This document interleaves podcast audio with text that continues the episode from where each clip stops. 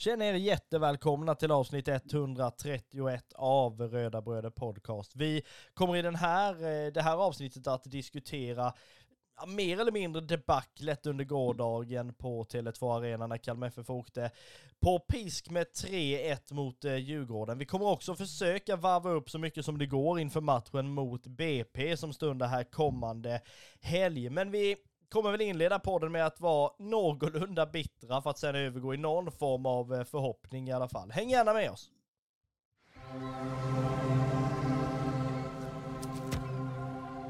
Vi säger väl som vi brukar då, att vi hälsar dig som lyssnar välkomna till Röda Bröder Podcast.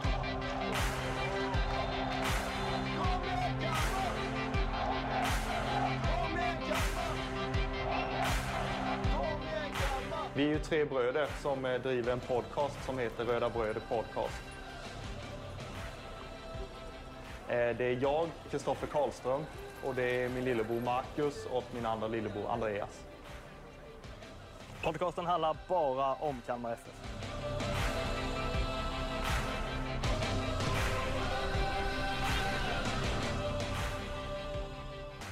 Jajamän, Marcus och Kristoffer sitter här tisdag kväll då, ungefär ett dygn efter att vi fick vara förbannade efter debaclet på Tele2 Arena kan man ändå säga. Och nu är det säkert folk som lyssnar på det här som inte har hängt med oss under alla tre säsonger utav den här podden och tänker att men 3-1 borta mot Djurgården, ska ni liksom vara förbannade över det? Alltså, jag hade kunnat köpa alla dagar i veckan att man förlorar borta mot Djurgården, inga större problem med det. Men Alltså då ska det fan vara någon form av värdighet i den förlusten. Det ska liksom se ut som att Alltså vi blir totalt överkörda av den liksom stockholmska ångvälten på något sätt. Men när det liksom är jag på att säga allmän utdelning från liksom rödvita spelare, då, då tar vi inte en sån förlust.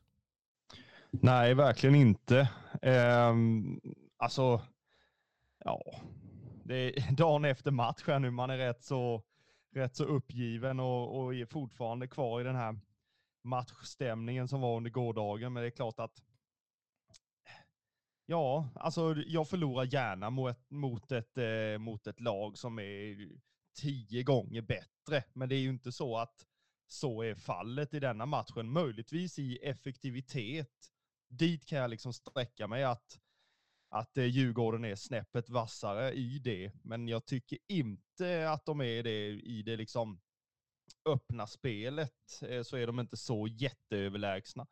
Eh, alltså de som såg matchen vet ju vad jag pratar om, att inledningen var ju riktigt fin alltså, från våran sida.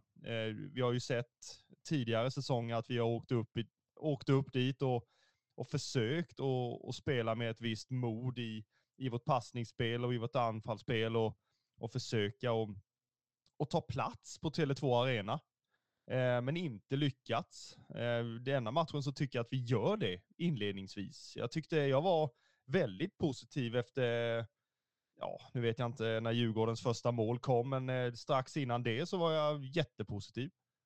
Alltså man var ju positiv under hela liksom måndag förmiddagen och liksom under eftermiddagen också och tänkte att vi, okej, okay, man ska tänka både med hjärtat och med hjärnan lite smått och liksom så här, visst, det är klart vi kan åka på säsongens första förlust. Det är inte alls omöjligt att den liksom kommer i, ja, i den här omgången och mot det här motståndet. Men när man liksom sen går upp idag med liksom ja, 3-1 i Häcken fullständigt och bara möter sina kollegor på jobbet och bara god morgon. Nej, det är ju liksom det första man svarar typ.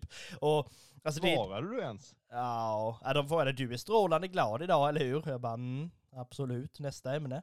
Alltså det... Kan vi ta det bara två sekunder? Visst är det jobbigt? Det är skitjobbigt. De, de äh, människorna, alltså det behöver inte vara fotbollsintresserade människor heller. Utan de, alltså, de ser ju de vet att det har spelats en match, de vet att eh, ditt lag har förlorat och sen så ändå så måste de bara, eh, jaha, hur gick matchen igår? Ja, men de det ju... vet du väl? Ja, de har ju uppenbarligen Nej. inte sett skiten vissa utav dem. Men de som hade god smak att se matchen igår, de hälsar ju inte ens för de vet ju att de kommer få en liksom släng av sleven tillbaka ungefär. Och det, det är väl det som är det roliga. Framförallt när man, ja, men som jag jobbar i utkanten av Växjö då liksom där där det är lite så delat landskap. Vissa som är fruktansvärt rödblåa supportrar och vissa som är rödvita också, så är det liksom väldigt, man märker vilka som hälsar på en med någon form av empati i rösten och vilka som hälsar på en med ja, mer eller mindre hånflinet enbart. Liksom. Så att det är ju, nej men jobbigt är det. Klart som fan det är jobbigt. Det är, liksom- och de som inte gillar fotboll, de, eller sport överhuvudtaget, de har ju ingen aning om vad vi pratar om. Nej, och, och, eller så har de bara kollat typ eh, resultaten på text-tv eller i, i Barrans sådana här mm, gigantiska resultatsida där man kan se typ bowlingresultat och sånt också, och bull och allt möjligt. Eh, de som eh, mm, ja, går igenom dem, de har ju bara sett resultatet och så bara, ja, det var nog utskåpning fullständigt, 3-1 liksom. Men nej, den munnen stänger vi.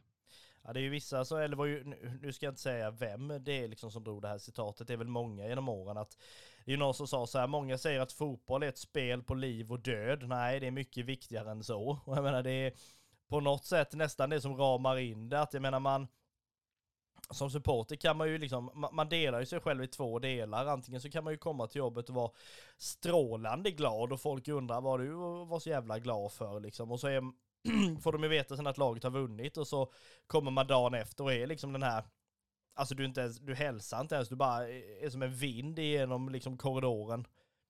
Alltså sådär. Osynlig. Ja, Osynlig vill man ju vara ju. Ja, ja, absolut. Och jag menar, ja då fattar ju de också vad det är som har hänt. Så att jag menar det, man är ju delad det man, men vi ska väl vi ska väl göra vårt jobb som det heter och det vi faktiskt älskar att göra en gång varje vecka när det inte är midweek-omgångar, nämligen prata ner och stöta, blöta och vara bittra och fan vet allt under en timmes tid någonting.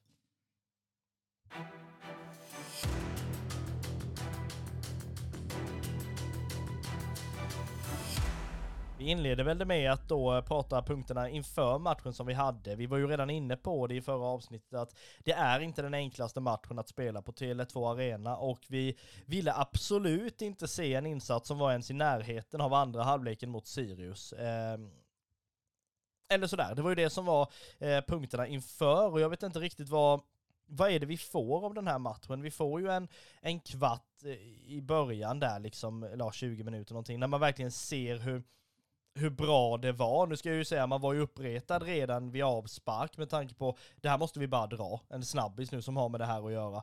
Alltså när, när det är huvudmatch då i Discovery, det här vet jag att vi pratade om du och jag eh, under gårdagen, men alltså när det är huvudmatch i Discovery, då fattar jag att man måste ha någon form av ämne som man diskuterar under den här då halvtimmen, det ska vara studio och allmänna grejer. Och jag kan då tycka att det här, apropå att vara osynlig så är det ju så att det var Djurgården som spelade hemmamatch. Mot vilka det var hade de ingen aning om förrän det var fem minuter kvar. Eh, när man då börjar diskutera det.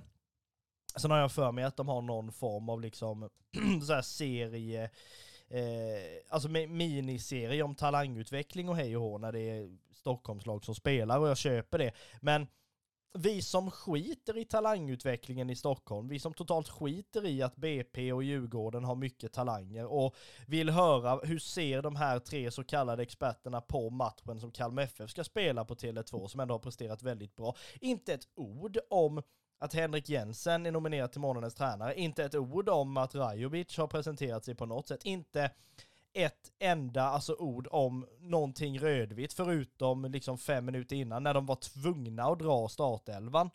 Alltså jag var så fruktansvärt arg och irriterad och det, det var säkert fler med mig också. Det är ju som vanligt när Kalmar liksom är huvudmatch. Vi behöver inte vara huvudmatcher egentligen. Det är ju liksom ingen större skillnad. Nej, och nu, nu kommer ju det här gnället då ju.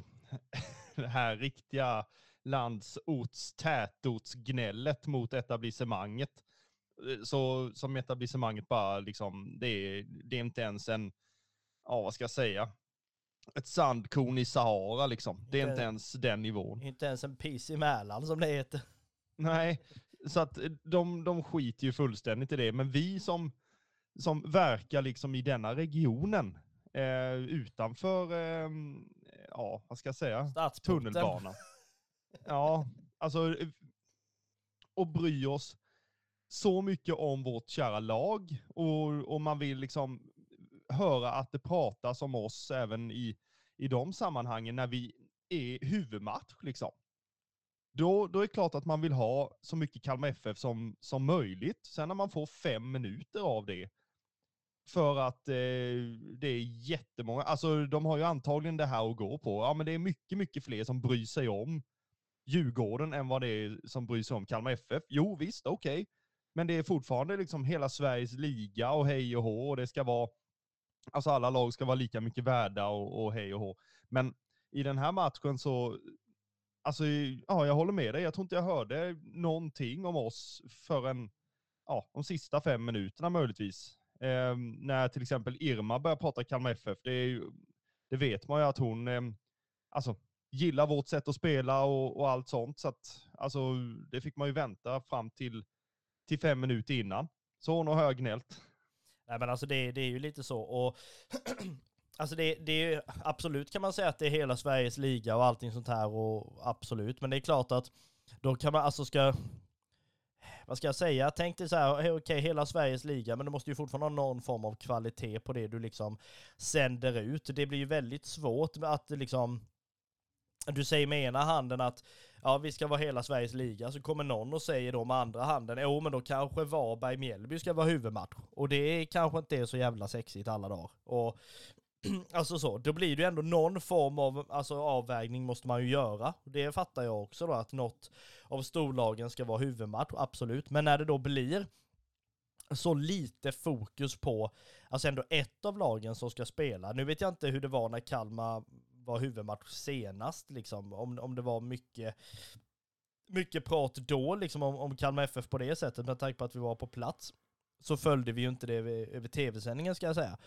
Um, men det var väl just sådär då, man var ju allmänt irriterad och blev ju väldigt glad istället då, när man märkte hur, hur liksom spelarna totalt sket i att inget fokus var på dem, utan att man kunde spela ut liksom 15-20 minuter. Och det såg ju väldigt bra ut. Visst, man kommer inte till någon något skott på mål. Jag tror inte man har ett skott på mål på hela första halvlek egentligen. Men man, man liksom trycker ju ner Djurgårdarna i liksom skorna fullständigt första 15 minuterna. Det blir alltså en frustration på Tele2 Arena, vilket man vet att Djurgårdssupportrarna har krav på sitt lag eh, och så vidare. De har inte gjort en jättebra inledning av den här säsongen.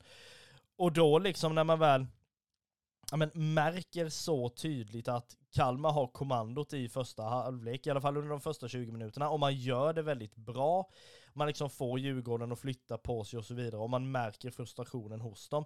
När det då blir Alltså, alltså som vi har pratat om innan, den här allmänna utdelningen som var mot, mot Sirius nästan, när det liksom är att, nej men, gör de inte det själva, nog fan ska vi hjälpa dem då? Ja, alltså, och, och det, det kan jag tycka är, mm, ja, helt typiskt eh, 1-0 målet som, som Asoro gör. Jag menar, mm, vi har bollen högt, högt upp i planen, vi har mycket spelare offensivt, vi har många spelare centralt. Men alltså, det infinner sig någon form av bekvämlighet. Alltså den här som vi, alltså tränarteamet förra året till exempel varnade för. Vi får inte bli för bekväma med bollen. Vi måste flytta den snabbt så att de andra får röra på sig. För att blir vi för bekväma så, så blir man lätt så här nonchalant och tycker att Nej, men det här var jätteenkelt att spela fotboll. Ja, det är skitenkelt att spela fotboll utanför någons straffområde. Där kan det vara skitenkelt att bara bolla fram och tillbaka och hej och hå. Men ska vi hålla på och tappa bollen på sådana konstiga vis, då, då blir jag vansinnig liksom. Vi får inte göra det när det, vi har så mycket folk offensivt, centralt. Alltså, man, man kan liksom lägga den bollen på vem som helst. Som Netabay tappar. Det är olyckligt att det är han. Men det sker ett bolltapp offensivt i ett riktigt skitläge, vilket gör att Oliver Berg får bollen i sin favoritposition. Asoro är skitbra djupled. Nog fasen utnyttjar man de eh, styrkorna man har i sitt lag, det är inte konstigt. Och Asoro springer ifrån Sjöstedt och, och lägger in 1-0. Det är, det är liksom, ursäkta språket, men det är, ja, alltså lagen om alltings jävlighet. När vi har så bra spel de första 20 minuterna, men vi kommer inte till de riktiga heta målchanserna. Då ska vi liksom bjuda på ett bolltapp när vi är skitmycket folk offensivt. Och då så blir det 1-0 och då sätts nivån på matchen på något vis. Här kan vi ha bollen hur länge som helst, men det är Djurgården som är effektiva när de har bollen sin, alltså 20 sekunder av första halvlek.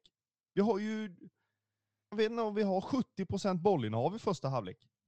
Första kvarten har vi ju någonstans här 75-25 i bollinnehav och jag menar då Mm. det är precis som du säger, att jag menar, man, Djurgården har ju inga problem att Kalmar bollar utanför straffområdet och håller på. Sen är det klart att det hade kunnat vara vilken spelare som helst som drar den här pissepassen liksom så. Och jag menar då, då, då är det alltså, det hade kunnat vara vem som helst man pekar ut som en syndabock. Och det är klart att när Netabay slår en sån passning som, alltså är väldigt, han är väldigt nyttig i spelet i övrigt liksom. När han väl då, alltså gör en, en, eh, en sån alltså ändå undermålig prestation i det fallet, så är det klart att han blir ju den som får ta på sig det hundhuvudet i den liksom situationen.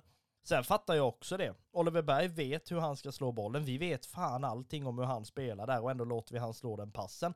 Asoro, det är klart när han kommer i 190 så når inte ens Sjöstedt honom. Liksom. Det, är inga, det är ju ingenting konstigt i det. Men det man liksom blir irriterad på och bara liksom känner det ju att den här känslan som smög sig in där mot Sirius när de liksom fick sitt reduceringsmål och man, man fick den här obehagliga känslan att det är inte det här att vi har matchen fortfarande utan nu börjar det på något sätt att liksom gå åt fel håll som det gjorde mot Sirius. När man då känner det redan vid 1-0 målet igår att vi kommer inte komma upp i den här matchen. Det spelar liksom ingen roll. Jag hade redan kunnat acceptera en 1-0 förlust i det läget, men när det då alltså är 2-0 målet som kommer sen. Jag menar, man får inte bort bollen och det här är någonting som jag nästan känner jag ska inte säga att jag har sagt det här innan, för det har jag inte gjort. Den, det, det, den liksom credden ska jag inte ge mig själv.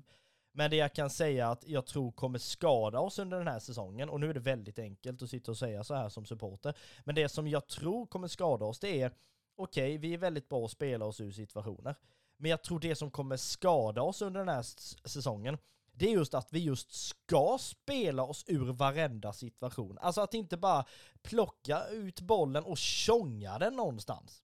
Alltså bara få lite andrum istället för att vi ska ha det här liksom kvadraten tiki-taka-spelet ut ur allting hela tiden. Jag fattar att man måste hålla boll och liksom behålla den och så länge man har bollen själv så kan inte motståndarna göra mål. Nej men Hellre att vi liksom skickar bollen långt upp på andra etaget på Tele2 Arena ut över sidlinjen och kan omorganisera oss lite istället för att vi på ett fint, väldigt liksom mysigt sätt ska liksom spela oss ur situationen för att sen bollen ändå ska hamna hos en blårandig liksom. Då är det ju fullständigt meningslöst och jag menar, det är väl det som andra målet nästan, ja men speglar då. Att liksom vi ska spela oss ur situationen, men vi klarar inte av att göra det just då. Boll, fanen åker inte bort, utan då liksom ska de få en extra chans att slå in den. Och det är ju så. Jag menar, sen är det ju ett, det är ett klassavslut, det är ju inte mycket att säga om det, men vi ska inte bjuda dem på det. Och likadant som det blir med tredje målet, där det då är en sån här situation, där det blir det här Alltså spela sig ur, eller då som vi har pratat om innan, inte göra klart situationen, inte vara distinkt i, i liksom passningen, i liksom touchen till spelaren, utan det blir totalt fel bara. Ja, men om, vi, om jag får ta eh, 2-0 målet så, så tycker jag att Alltså visst, bollen åker ut mot, mot eh, sidlinjen. Eh, de får slå ett inlägg. Men alltså i situationen precis innan han slår inlägget så ser man ju att Asoro står precis vid Sätra. Sätra gör ju allting för att störa Asoro. Han håller på att knuffa och, och tacklar och allt möjligt. Sen så backar Asoro lite och lägger sig framför Olafsson. Olafsson, under tiden inlägget går, håller ju fast Asoro rätt ordentligt. Men på något vis så, så lyckas Asoro liksom eh, göra någon form av volleyspark och då träffar ju den i huvudet på Olafsson och går in. Alltså, jag är inte försvarsspelare överhuvudtaget eller expert eller någonting. Men ska man inte ställa sig framför killen? Alltså, nu får 100-200 lyssnare liksom bara höra av sig här för att, och, och rätta mig om jag har fel. För nu blir jag liksom arg en gång till och det är, Ska man inte stå framför killen då? Du har inte en chans att nicka bort bollen om den går framför både dig och spelaren du har framför dig. Och han bara kan egentligen slå in den. Och, alltså, det är, ja, jag... Ah, nu, nu har det inte gått två dagar, liksom, eh, efter matchen, så jag är inte helt av, eh, eh, vad ska jag säga, jag har inte smält det helt. För att man, man ser de här situationerna i huvudet, liksom återkommande, och man blir ju, nej, vansinnig. Bort med bollen, liksom. Skicka både han och Asoro mot mittplan helst. Det man, blir förba- man vill ju ha det man i, i liksom lokalfotbollen blir förbannad på, att det är det enda man gör. Alltså just det här, alltså det, det man hör tränarna i lokalfotbollen skrika då att håll i bollen, håll i bollen, rensa inte hela jävla tiden. Nej, här är det tvärtom i alla fall för oss sett. Och jag menar, nej, när, när väl då, ja, men som vi pratade om det här tredje målet kommer sen då, Alltså det är ju en felpassning igen. Det är ju liksom, alltså de, ja vad ska man säga, fyra, inte fyra kanske, men tre av de fem senaste målen i alla fall, ska ju inte komma överhuvudtaget. Om man gör klart situationerna, om man inte liksom är, ja men, håller på att säga loj i passningsspelet, men alltså förstår vad jag menar. Det ska liksom, det ska göras färdigt och inte vara någon form av liksom pardon i någonting. Det ska liksom bara göras färdigt och helst Alltså så tydligt som det bara går. Och det är klart att när man väl har inlett matchen bra och man bara märker att det blir som att trycka på en knapp. Djurgården får 1-0, får lite fart under vingarna, kan liksom utveckla det, trycka ner oss istället, gör 2-0, kommer ut i andra halvlek, kan sätta 3-0. Det är ju så, de kan ju rida på den vågen. Det är ju lite det vi pratade om i förra avsnittet, det här med att man måste hitta alltså ketchup-effekten i vissa situationer med. Jag menar, jag tror vi nämnde någonting om, om Göteborgs jätteseger med 6-0 liksom, där man inte har gjort mål överhuvudtaget knappt och sen bara rasslade till. Det är klart att Djurgårdarna kan liksom rida på den här vågen då som sagt och göra det väldigt bra. Men när man då liksom blir, när man redan är förbannad, jag sa det till min sambo, när vi satt och tittade på matchen så sa jag så här, nu ska jag bara gå och hämta en muffins, sitta och äta den och hålla käften i en kvart. Jag ska inte säga någonting. Och under den här kvarten så gör vi ju då mål. Jo, vi gör mål. Det gör vi. Men vi får inte göra mål. Och det är precis det jag skriker ut fullständigt. När vi gör mål så får vi för fan inte göra mål! jag blev så, alltså Åh, om det inte hade varit ljudisolerat i den här lägenheten jag sitter i så hade folk liksom ringt eh, polisen höll jag på att säga för liksom störningsmoment. Alltså jag var så arg. Och om vi var arga innan och liksom topplocket, det småbubblade lite så är locket av nu snart när vi kommer in på det här offside-målet. Det är liksom, det är precis som du säger, lagen om alltings jävlighet. Vi, det funkar bra framåt till en början, så trycker de tillbaka oss och då gör vi ändå ett mål som liksom är alltså lilltånagel, om ens det är det. Alltså det är inte, alltså visst man kan dra hur mycket streck man vill med liksom VAR och det ena och det andra och man, ja men man plockar ju bort mål i Europa som är liksom så pass tajta som ingen ser om du inte liksom kollar förstoringsglas och mikroskop samtidigt. Men när, när du liksom, i det här fallet, när man liksom bara känner på sig att ingen är säker på den. Spelarna är inte säkra. Ingen reagerar förutom han med flaggan och sen då Klitte som måste lyfta armen när han har lyft sin flagga.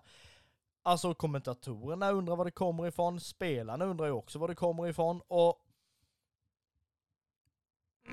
som det heter. Alltså det är inte bra överhuvudtaget och det är klart att är man då redan förbannad för att man ligger under med 3-0, när man då kan få ett mål och komma upp i någon form av liksom taggning igen, nej då kommer det inte.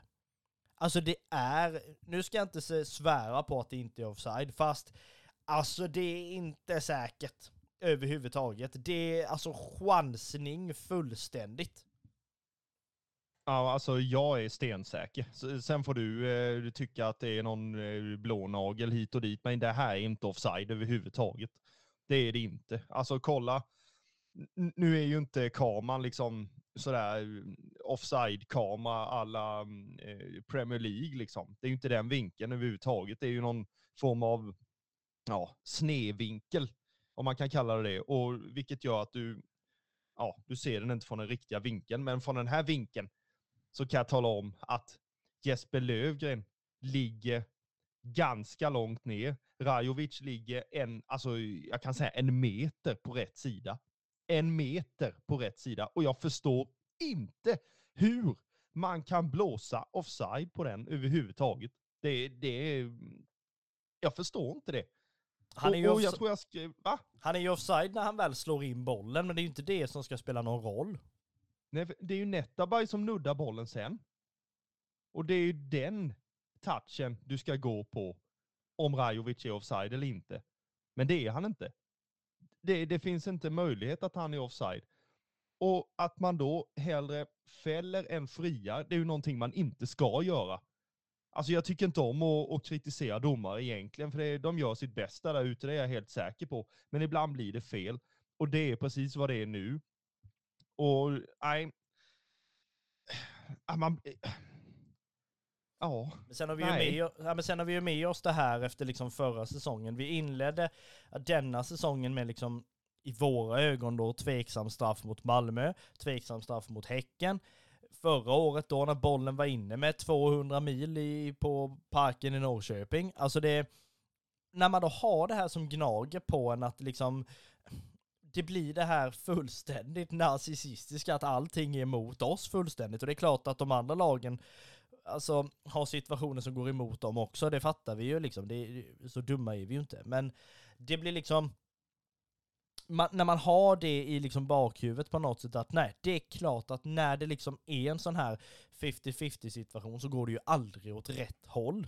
Och det är klart att, ja men, man kan inte se det hundraprocentigt från alltså den vinkeln som man har kamerorna. Vi är fortfarande inte en ens topp 10-liga i liksom i Europa, så det är inte konstigt. Men när det liksom Nej, det, det är liksom magkänslan säger att det är så fel liksom. Och då, det är ju då man blir så fruktansvärt bitter. Eh, och liksom hela Kalmar-Twitter bara exploderar när det väl, när hymmet väl sen sätter då 3-1 att nej det är inget jävla 3-1, det är 3-2. Som om det skulle hjälpa liksom. Det är, det är ju bara liksom för att på något sätt stilla sitt e sin egen passion i det där att liksom det, nej det, det är liksom inte bra. Så att jag menar, det jag är mest irriterad över, ja det kan vi ju ta sen när vi liksom sammanfattar ihop det sen, men det, jag är inte mest irriterad egentligen över att vi förlorar borta mot Djurgården, som jag sa innan. Det hade man kunnat ta. Det jag blir mest irriterad över är att vi på tre matcher av nio möjliga poäng får med oss två i de här tre matcherna. Vi lyckas samtidigt alltså ge bort väldigt många situationer, väldigt många mål.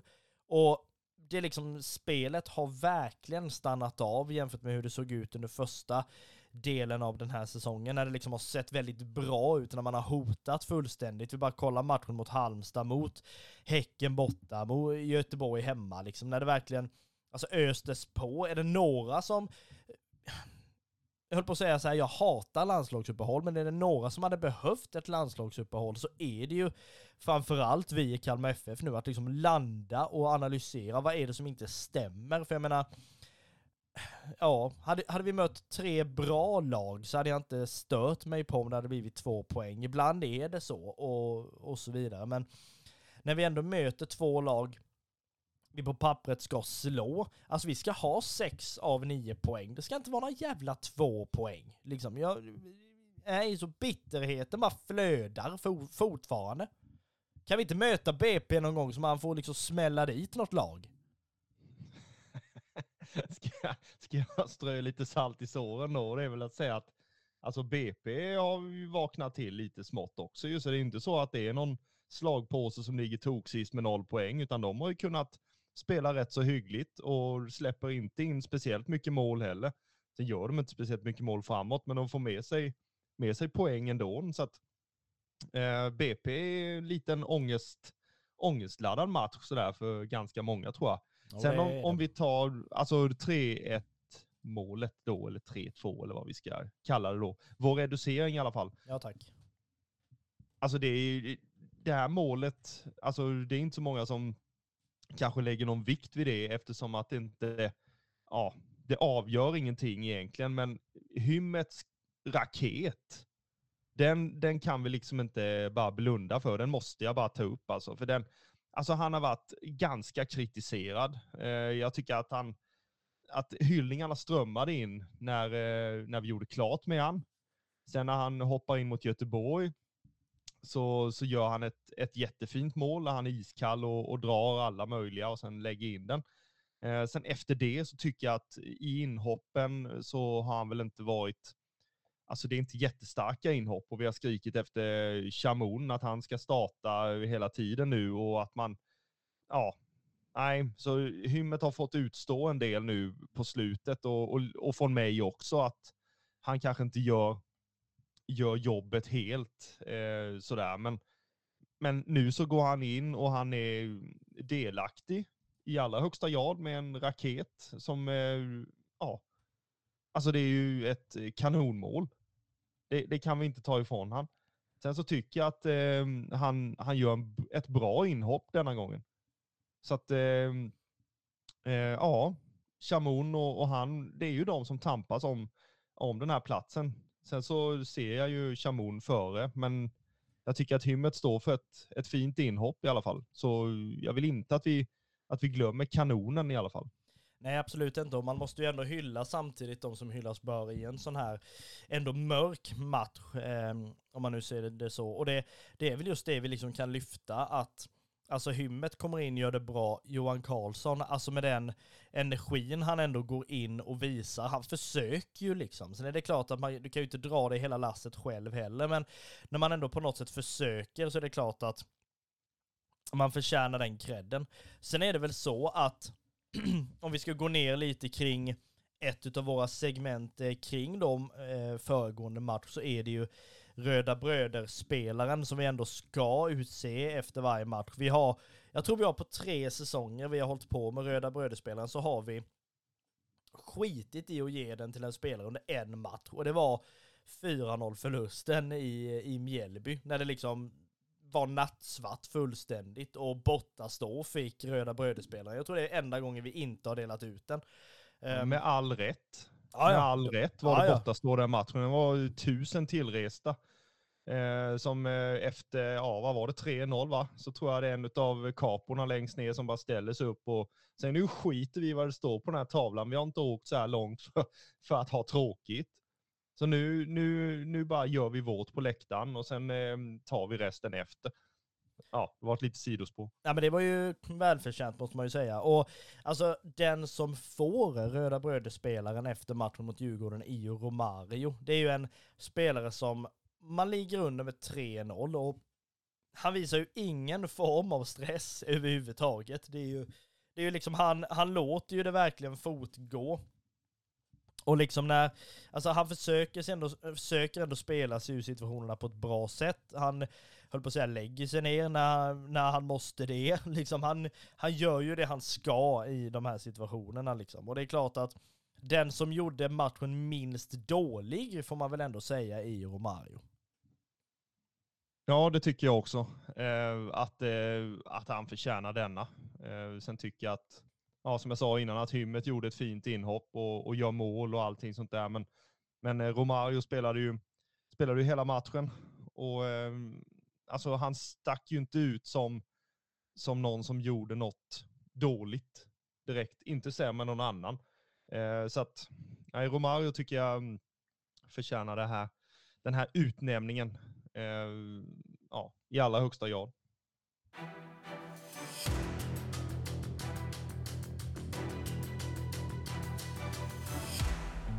Ni har väl inte glömt att Röda Bröder har en shop i samarbete med Spreadshop. Här finns allting som du kan behöva för att klä dig rätt till matcherna. Våra egna loggor finns tillgängliga till både dam, herr och de yngre supportarna. Gå gärna in och botanisera i våran shop för din chans att köpa hem dina Röda Bröder-produkter.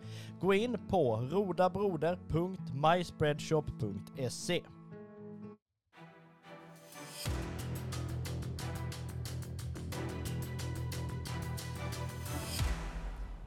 Från skit till bra skit höll jag på att säga. Vi ska prata nästkommande match då nu när vi har lämnat det här debaclet på Tele2. Så ska vi prata om det laget som inför matchen igår i alla fall var Stockholms bästa lag. Det stack ju extremt i ögonen hos de tre storstadslagen, eh, måste vi väl ändå säga. Så vi går väl in och börjar prata lite om eh, kommande match då på, eh, på söndag.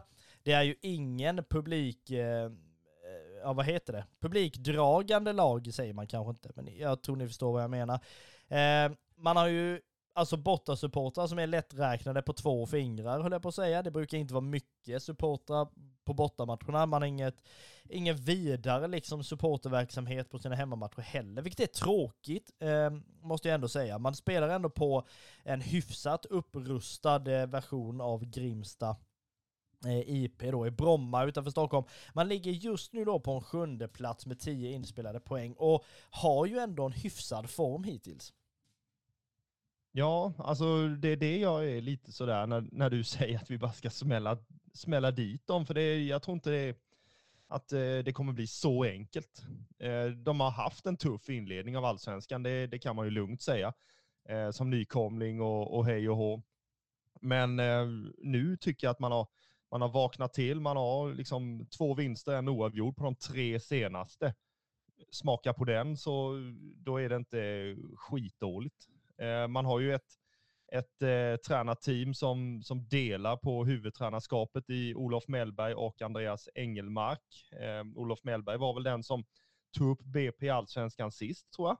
Sen så tog han väl över Helsingborg, om jag inte minns helt, helt fel. Eh, man har en, en bästa målskytt som i, Djurgårdskretsar då, eftersom vi pratade om innan, är ganska känd i Oskar Pettersson, eh, som hittills har gjort två mål. Ehm, och tittar man på resultaten i, hos BP så, så har man ju slagit Halmstad borta, man har slagit Värnamo borta och man har spelat nu då 0-0 hemma mot Göteborg. Eh, så att det är ju inte, ja, de har två segrar, en oavgjord på de tre senaste. Eh, så att, ja, har de vaknat till eller inte, det, det får vi ju se på, på eh, söndag i så fall. Ja, alltså det är, nu, nu är det klart att liksom hade det varit en vanlig säsong så hade man ju kanske kunnat tycka att möta BP hemma, det ska bara vara 5-0 och inget mer än det. Men det är klart att eh, när det har sett ut som det har gjort nu mot BP, man kanske har vaknat till lite smått, eller så är det bara det här lilla uppvaknandet för att man sen ska gå ner i det fullständigt lagom till sommaruppehållet. Det vet man ju inte hur det ser ut, men är det någonting man önskar sig mer än någonting annat just nu så är det ju att Kalmar FF ska studsa tillbaka något så förbannat i den här matchen på söndag. Um, vilket man verkligen vill. Sen är det klart, det som du säger, man har två tränare som har gjort det bra hittills. Man har ju liksom ett, ett lag som ändå har ja, men uppenbarligen har gjort det bra och presterat ändå i alla fall över förväntan, eh, måste man ju ändå säga. Man har ju ett par eh, lite små namnkunniga spelare. Man har Kallisir, man värvade in från Göteborg. Man har eh, Carola Häggkvists son då, eh, Amadeus Sögård. Man har ju också då en spelare som heter eh, Oskar Pettersson Ja, och det är ju eh, fokusspelaren i BP inför denna matchen. Eh, precis som jag sa innan så är det han som är, som är deras bästa målskytt med två mål hittills. Eh, och jag tycker att han, han sticker ut i det här laget som den, det offensiva hotet såklart. Bra djupled, bra avslutsfot, gör jobbet helt enkelt. Så att Oskar Pettersson ehm, bör vi ju hålla lite koll på ju, absolut. Sen tycker jag att målvakten i, i BP, eh, Sidklev, eller Sidklev, eh, någonting sånt, eh, har ju stått för, för fina prestationer. Eh, man trodde att Oskar Linné skulle ha första platsen i, i BP. Eh, han stod väl de inledande matcherna, tror jag. Eh, sen så har han fått stå åt sidan eh, för den här 18-åringen som, som eh, är, ja, är första målvakt hittills och har gjort det jättebra. Så att det, det blir spännande att se om vi kan få hål på honom. Ja, man hoppas väl i alla fall inte att eh, matchen kommer sluta likt den gjorde för då fem säsonger sedan när BP senast gästade eh, Guldfågeln Arena då när matchen slutade 1-1 och målskytt var Rasmus Elm, eh, hör och häpna. Eh, som vi har pratat om, vi har, de har haft en hyfsat tuff inledning med tre poäng de första fyra matcherna, är ju nu obesegrade i fyra matcher. Det är klart att det liksom är det är ju fortfarande en match som ska spelas, det är inte ett lag som man bara, kanske nu då, eh, alltså spöar med 5-0 bara för att man ska det. Men är det någonting som ändå är avgörande i den här matchen så är det ju att kasta bort det som var skit i de två senaste matcherna mot Sirius och Djurgården. Ta med sig det som var bra, rätta till det som inte var bra, det vill säga då mer distinkt i liksom passningsspelet, se till att Alltså BP får jobba något fruktansvärt. Ta med sig den första kvarten, första 20 minuterna från Djurgårdsmatchen och bygg vidare på den så att BP får liksom åka på Guldfågeln Arena något så fruktansvärt. Få dem liksom att sota för det som Djurgården gjorde nu eh, igår. Och det är ju ingenting annat egentligen än en rödvit revansch som gäller. Nej, och det, det tror jag gäller både både spelarna och oss supportrar, att vi, vi verkligen känner att eh, vi vill studsa tillbaka. Både på läktaren men också på planen. Eh, jag vill se ett Kalmar FF som går ut och, och tar kommandot, eh, alltså direkt under uppvärmningen helst. Eh, och ehm, visar att det här är vår hemmaplan. Vi släpper inte iväg några poäng gratis här överhuvudtaget. Vi har ett stabilt försvarsspel eh, som vi är trygga med. Eh, samtidigt så, så gäller det att utnyttja det bollinnehavet vi kommer att få. Eh, för jag tror inte BP är speciellt intresserad av att, att ha bollen, utan eh, vi kommer nog få styra matchen rätt så, rätt så rejält och kommer förhoppningsvis att göra det också. Ehm, så att jag, är, mm, jag ser jättemycket fram emot eh, BP hemma, även om jag kommer få se den på, på tv, så, så tror jag att att jag kommer att få se just det här som jag vill se. För att det finns så mycket vinnarskallar i det här laget eh, som, som backar varandra och, och, vi har en kapten som, som står längst bak i, i, eh, i planen och, och kan mana på alla som ja, inte gör jobbet helt enkelt. Så att är jag en, en seger mot BP, det, det kräver jag om jag säger så.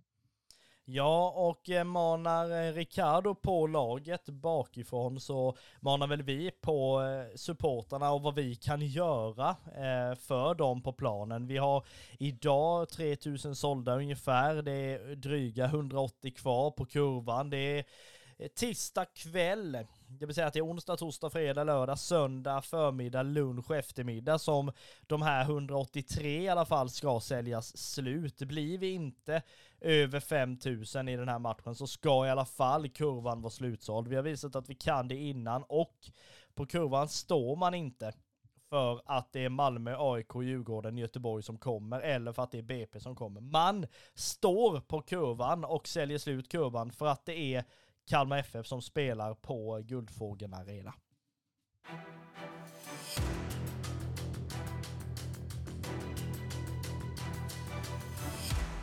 Vi kommer ju till en punkt i programmet då där vi ska diskutera eh, kommande startelva och här tror jag eh, att vi ändå kommer att vara hyfsat överens när det gäller eh, ja, vissa förändringar och vissa önskningar som vi har. Vi har väl i alla fall en startelva på pränt här hyfsat då där vi har eh, Ricardo Friedrich i mål med en eh, mitt, eh, mitt eh, med en försvarslinje som är Lindahl, Zäta, Sjöstedt, Olafsson. Vi har ett mittfält med Gojani, Carl Gustafsson kom tillbaka i startelvan och Romario då med eh, ett eh, anfalls, en anfallstrio med Skrab, Rajovic och Chamon. Shamoun.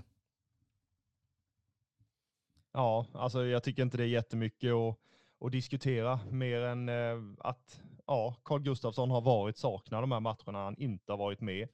Eh, Varberg borta, Sirius hemma och eh, Djurgården borta. Så jag tycker att ja, en del vill mena att det här, eh, alltså att vi inte har Carl Gustafsson i, i startelvan, att det gör, alltså, vad ska jag säga, jätte, jätte, jättemycket skillnad. Eh, jag tror att det gör skillnad, absolut. Eh, men jag tycker att de andra spelarna, om nu Carl Gustafsson betyder så, så mycket som vi vet att han gör, och inte är med på planen, då måste de andra kliva fram och kanske smälla på och slå de här passningarna som, som Carl Gustafsson kan göra. Eh, och då, då tror jag väldigt mycket på Gojani, eh, som jag tyckte stod för en, ja, en hyfsad insats mot Djurgården. Nu vill jag se båda två från start. Jag vill se Gojani från start. Jag vill se Kalle Gustafsson från start. Eh, den senaste rapporten var väl att, han, att det är någon baksida han har problem med. Eh, så det är inga flyttrykten överhuvudtaget. Det röt ju Carl Gustafsson själv emot eh, i Barran då i, idag tror jag. Så att ehm, nej, inga flyttrykten på, på Carl Gustafsson och det, det är vi ju glada för. Ehm, så att ja, en ganska fin startelva tycker jag. Ehm, så att det borde vi kunna rå på BP med denna startelva. Ja men vi tror ju verkligen det och nu är det säkert några av er som, som eh, påpekar varför ska Netabay utgå och inte Olafsson när kanske båda de stod för alltså lite sämre insatser under matchen mot Djurgården. Jo, men det är väl kanske så här att vi har väl valt att göra på det sättet för att vi känner att Netabay där är det ändå spelare som just nu kan flytta på sig till förmån för Gojani eh, Eh, och då Carl Gustafsson i det här fallet. Medan Olafsson är i princip den enda vänsterbacken vi har eh, i det här läget. Liksom. Och då, då är det ju som det får vara, men sen tror jag också det att oavsett om nu Netabay och Olofsen spelar eller inte, så är det ju så att de kommer ju höja sig till den här matchen. Framförallt så tror jag hela laget också kommer höja sig. Man, det är det som är så skönt med att man kan stå efter matchen mot Djurgården och inte vara nöjd. Det är klart man är aldrig nöjd när man har förlorat, men att man liksom är arg och irriterad och förbannad över att det inte gick vägen. Det är väl det som är så skönt med Kalmar FF nu, att vi står inte med mössan i hand och liksom är, ja men ber om ursäkt när vi liksom har tagit en poäng borta mot Djurgården för att de är arga liksom. Vi är däremot istället arga just för att vi inte har tagit poäng. Ja, och kanske sättet som, som vi inte tar poäng att det är just de här felpassningarna och, och att vi står högt med, med laget under tiden vi tappar bollen på det här viset och vi får omställningar emot oss till exempel. Samtidigt som, ja vi har ju gått igenom målen innan, men alltså det är inte så att, ja, alltså det är effektivitet ut i fingerspetsarna när det kommer till Djurgårdens mål tycker jag.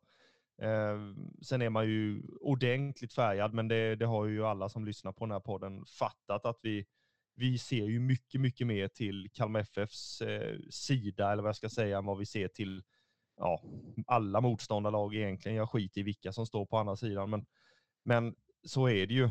Eh, och ja, alltså om vi tar fokusspelaren till exempel så är det ju så att David Olafsson är vald till det denna matchen med tanke på att han är en av spelarna som, som har stått för ett par misstag och behöver steppa upp ordentligt eh, när det kommer till just, eh, ja vad ska jag säga, skärpan i de lägena.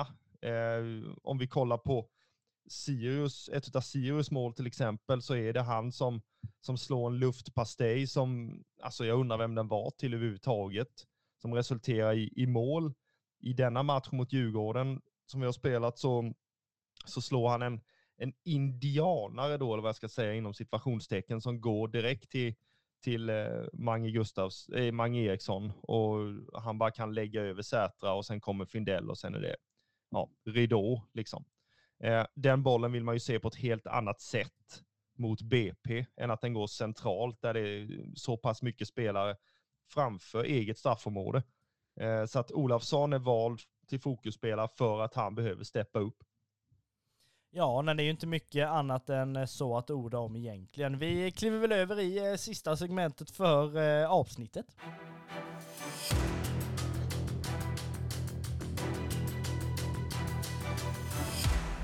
Det är ju det segmentet som vi sedvanligt ska tippa resultatet. Har ju varit de senaste matcherna totalt felaktiga resultat, men det skiter vi fullständigt i, för vi ska tippa resultat i alla fall. Eh, och eh, i min eh, åsikt så är det väl så här att oavsett om nu BP har gjort det väldigt bra så ska de tas ner på jorden. De ska behandlas som de nykomlingar de är och inte ges någonting i i liksom varken förskott eller liksom extra överhuvudtaget. De kommer till Guldfågeln Arena, en arena som är extremt svår att komma till som som bortalag och det ska de få känna på utan någon pardon överhuvudtaget. Därför är det inte mer än rätt att vi liksom klipper dit BP med klara 4-0. Ja, Eh, ursäkta att jag skrattar, men, men det, det var ju det vi pratade om innan ju, när du eh, upplyste alla som lyssnar på det här att vi ska smälla till dem ordentligt. Och det, det hoppas jag med hjärtat att vi gör. Alltså det är klart att eh, efter tre matcher som, där det har sett sådär ut, eh, det har ju sett bra till en början ut i nästan alla tre matcher, men eh, sen andra halvlekarna har varit ja, vad de har varit helt enkelt. Sen, sen matchen mot, mot BP vill man såklart ha tre poäng, det är hemmaplan, det är söndag, det är 17.30. Eh, så att jag har, jag har tippat 3-0 Eh, och sen får man ta, alltså innan så sa jag att vi ska mm, ja, se upp lite för BP med tanke på deras senaste resultat och de har vaknat till och man, man vet inte riktigt var man har dem. Eh, men det här tippar jag med hjärtat och inte speciellt mycket med hjärnan, det, så det får ni ta. Eh, så 3-0, det, det vill jag se. En, en sån riktig ja, kanonsöndag eh, vill jag se från min, min telefon, får det bli egentligen, eh, på vägen hem från Kolmården, där jag ska spendera helgen. Så att eh, det blir inget eh, GFA för mig, tyvärr, men vi är överallt i Kalmar FF. Liksom. Vi finns Ja, men verkligen är det ju så. Och för oss som är på plats på Guldfågeln Arena under matcherna, vi försöker med alla medel vi kan att vara minst en på plats vid varje match för att dels leverera men, eh, i textform och sen då också leverera men, eh, intervjuer och så vidare. Antingen i textform eller till eh, vår YouTube-sida där ni kan se dem i rörlig bild som det heter. Eh, och då också leverera intervjuer till eh, den här podcasten som ni lyssnar på nu då. Eh, är det så att det är någon speciell spelare som ni skulle önska att vi eh, plockar en intervju med, hör gärna av er till våra sociala medier där vi finns på både Instagram och Twitter. Ni kan göra det innan matcherna eller i, eh, ja, i princip under hela matcherna. Ehm, med tanke på att vi sitter ju ganska så eh, online på Guldfågeln Arena när vi väl sitter där. Eh, du nämnde vår YouTube-kanal här precis och, och, den vill vi göra lite reklam för givetvis. Eh, där finns ju både intervjuer, eh, det finns en del läktarklipp mm, också eh, med, med tifona mot Malmö borta till exempel och det magiska mot eh, Göteborg hemma. Så att vill man uppleva de två så kan man gå in och, och kolla på vår YouTube-kanal som heter ja, Röda Bröder helt enkelt. Så det är bara att gå in och, och kika där. Eh, och när jag ändå håller på liksom med att prata tifo och det, det fina de har levererat i tifogruppen så, så är det ju så att alltså stötta dem och swisha till den här läktarfonden. Eh, ni hittar numret på eh, kffsu.se eh, där man kan swisha till eh, läktarfonden och, och bidra till att tifona fortsätter vara så magiskt fina som de har varit. Eh, så den, den vill jag slänga in för jag tycker det är viktigt. Ja men det är det verkligen och eh, som sagt ni hittar den på kffsu.se. Ni kommer också hitta den här i beskrivningen vid det här avsnittet eh, på både Apple Podcaster och på Spotify där vi härjar som mest då. Eh, och ni som inte ännu har gått in och följt oss på Spotify, ni är ändå ett antal hundra, eller ganska många hundra ska jag säga, som gör detta och som lyssnar på oss varje vecka. Eh, gå jättegärna in och följ oss där så får du en notis i din telefon eller något liknande när eh, vi har tuggat färdigt och Andreas har klippt färdigt som det heter.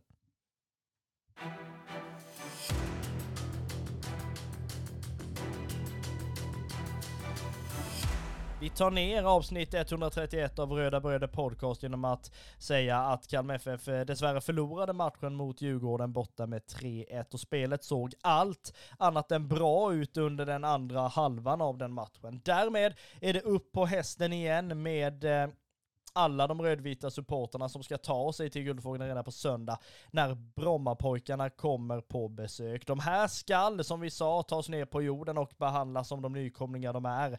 Det är ingenting annat än det som gäller. Har du inte köpt biljett, gå in på kalmarff.se, gör även det. Är det så att du inte på något sätt kan se den här matchen på plats, så gå in och följ oss på Twitter och tugga ner matchen där tillsammans med oss. Så kommer vi att återkomma med ett nytt avsnitt efter matchen emot eh, BP. Det här är ju Kalmar FF Supporterpodd, nämligen Röda Bröder Podcast.